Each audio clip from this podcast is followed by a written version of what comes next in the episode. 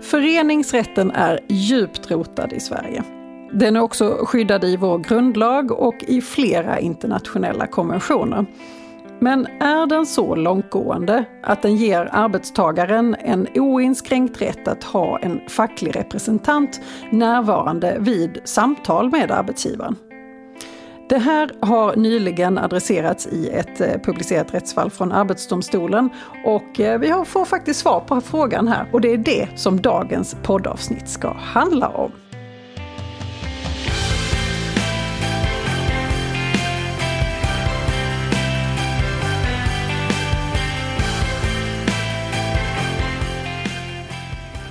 Hej och välkommen till Arbetsrättspodden. Podden för dig som verkar inom HR eller hanterar personalfrågor i din vardag. Jag heter Emelie Svensäter Jantorp och arbetar som advokat inom arbetsrätt här på Vinge. Och med mig idag har jag Sofia Reuterkrona som arbetar inom arbetsrätt på vårt Malmökontor. Hej Sofia! Hej Emelie! Varmt välkommen till Arbetsrättspodden. Tack så mycket! Och vi ska prata om föreningsrätten idag. Den är centrum i det här rättsfallet. Eh, rättsfallet är AD 2023 nummer 47. Eh, rättsfallet behandlar ju även en annan fråga, alltså diskriminering, könsdiskriminering, som vi också kommer att plocka upp. Mm. Så jag tror det blir en intressant diskussion. Vad säger du? Jo, men det är två spännande frågor. Mm. Som sagt, föreningsrätten skulle jag säga är centrum i det här rättsfallet. Eh, kort, vad innebär egentligen föreningsrätten för en arbetstagare? men den innebär att en arbetstagare har rätt att vara med i ett eh, fackförbund i korthet.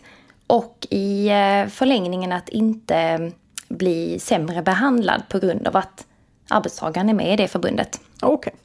Okay. Eh, och nu har det kommit ett då, nytt rättsfall som berör detta. Eh, vad var bakgrunden? Vad är det som har hänt i det här intressanta rättsfallet? Det här målet handlar om en kvinnlig polisaspirant som menar på att hon har blivit utsatt för dels en kränkning av hennes föreningsrätt, dels könsdiskriminering. Och kvinnan studerade eh, sista terminen på polisutbildningen och tjänstgjorde som polisaspirant. Och i slutet av utbildningen så genomför man eh, alltid en så kallad säkerhetsprövningsintervju. Och vad är det för någonting? Det är en intervju som syftar till att bedöma en eh, persons lojalitet, pålitlighet, eh, också sårbarheter som kan dyka upp. Och det är just för att det, det är en säkerhetsklassad anställning att jobba som polis. Så den är ganska viktig helt enkelt för att få en fortsatt, eller en, en framtida anställning? Ja men precis. En förutsättning för att kunna, kunna jobba som polis efter att utbildningen är klar är att man godkänns för arbete i en säkerhetsklassad anställning. Och det är just då den här säkerhetsintervjun som är centrum för rättsfallet. För vad händer där? Ja, men hon, eh, den här kvinnan då, hon eh, påstår att hon har nekats att eh, få ha med sig en facklig förtroendeman vid den här intervjun. Och på så sätt fått sin föreningsrätt kränkt. Okej, okay, så det är då det första? Det är det enkelt. första. Och sen hade vi en könsdiskriminering också?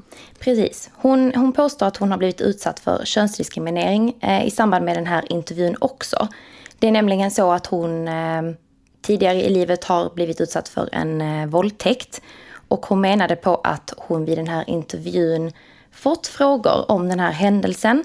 Eh, bland annat i stil med om hon var berusad vid tillfället Um, och hon upplevde att hon hade blivit ifrågasatt uh, om lämpligheten av att hon som ensam kvinna rörde sig utomhus sent på kvällen vid det här tillfället.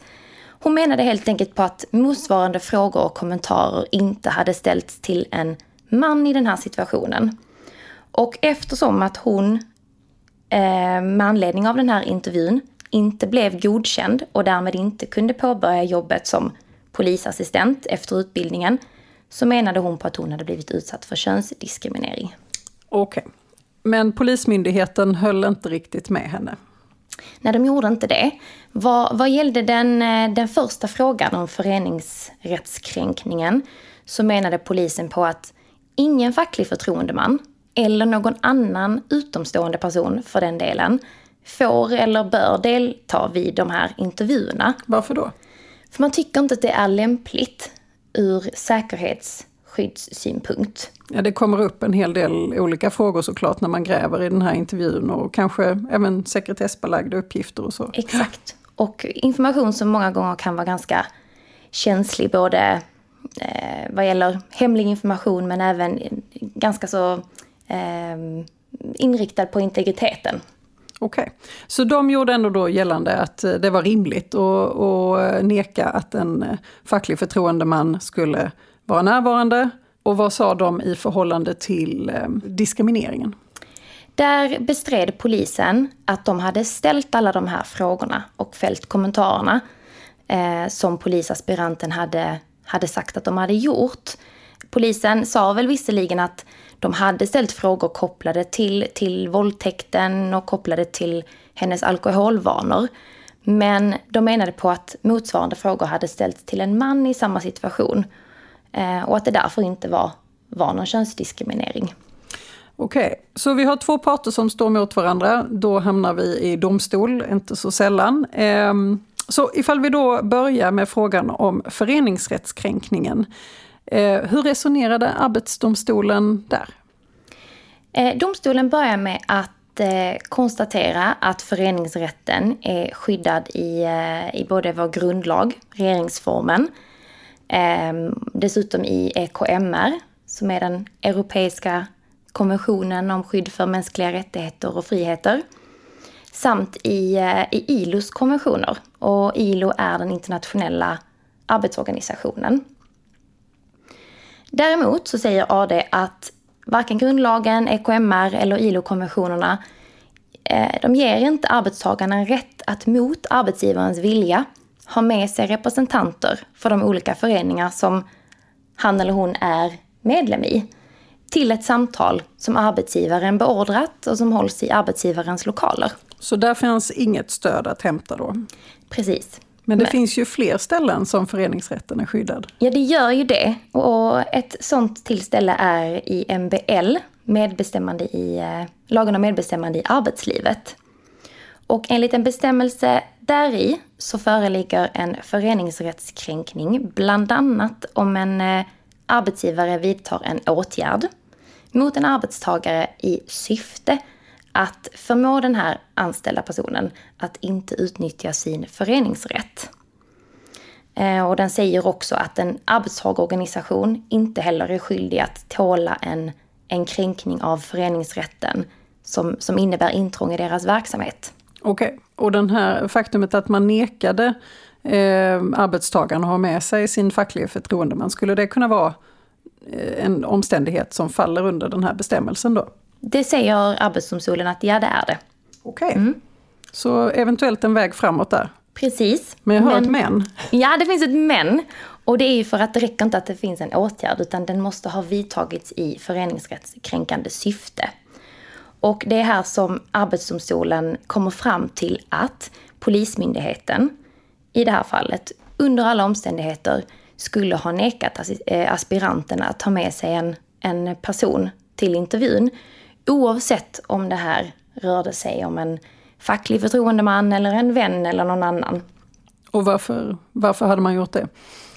För att vid säkerhetsintervjuer, eh, så som AD tolkar det här, eh, så genomför man dem bäst utan en, en bisittare. Och det är bland annat för att man inte vill att personen som intervjuas ska bli påverkad av någon annan. Eh, som vi pratade om tidigare så förekommer det ibland hemlig information som alla inte ska få ta del av. Och polisen tycker att det är lättare att få en helhetsbild av den personen som man intervjuar. Om så den inte är med. Så det är nästan så att själva syftet med säkerhetsintervjun hade kunnat motverkas ifall man hade fått ta med sig en extern person? Ja men exakt, exakt.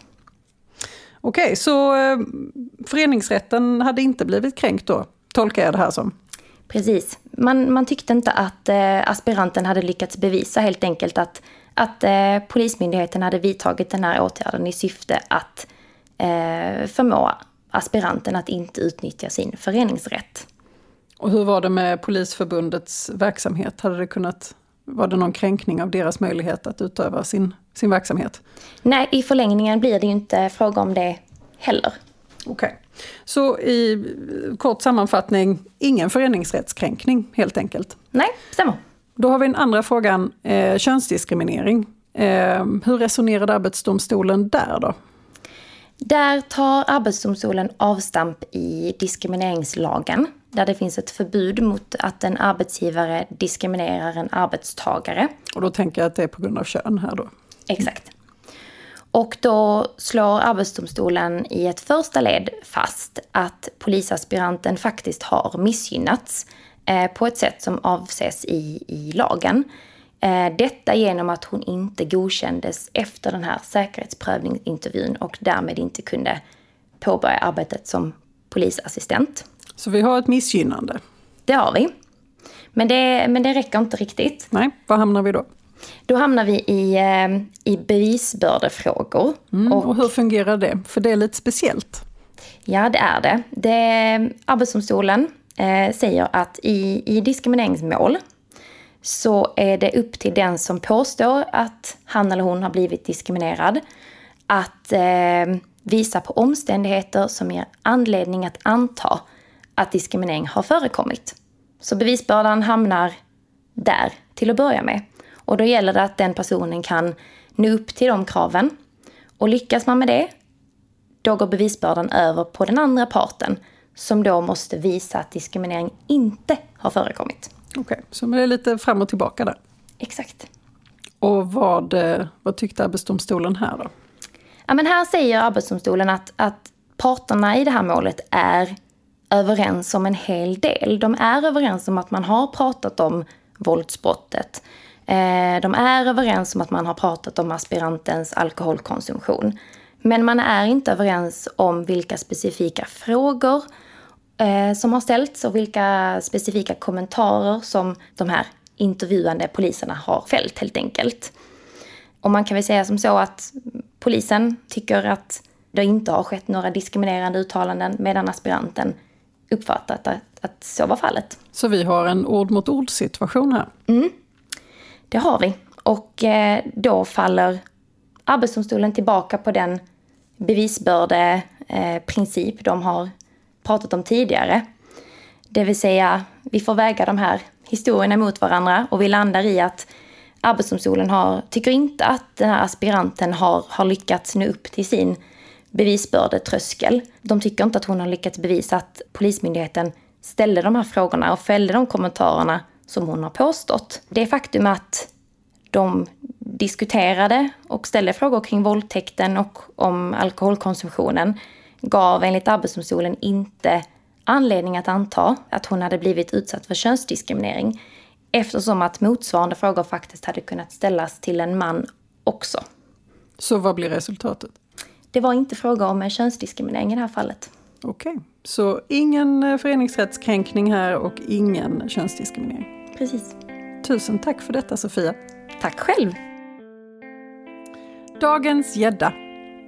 Det är alltså möjligt att neka en arbetstagare att ha med sig en facklig representant till ett samtal. Men det är också viktigt att verkligen göra en avvägning i det specifika fallet om det finns en bra grund för ett sådant nekande och skälen bör då väga tungt.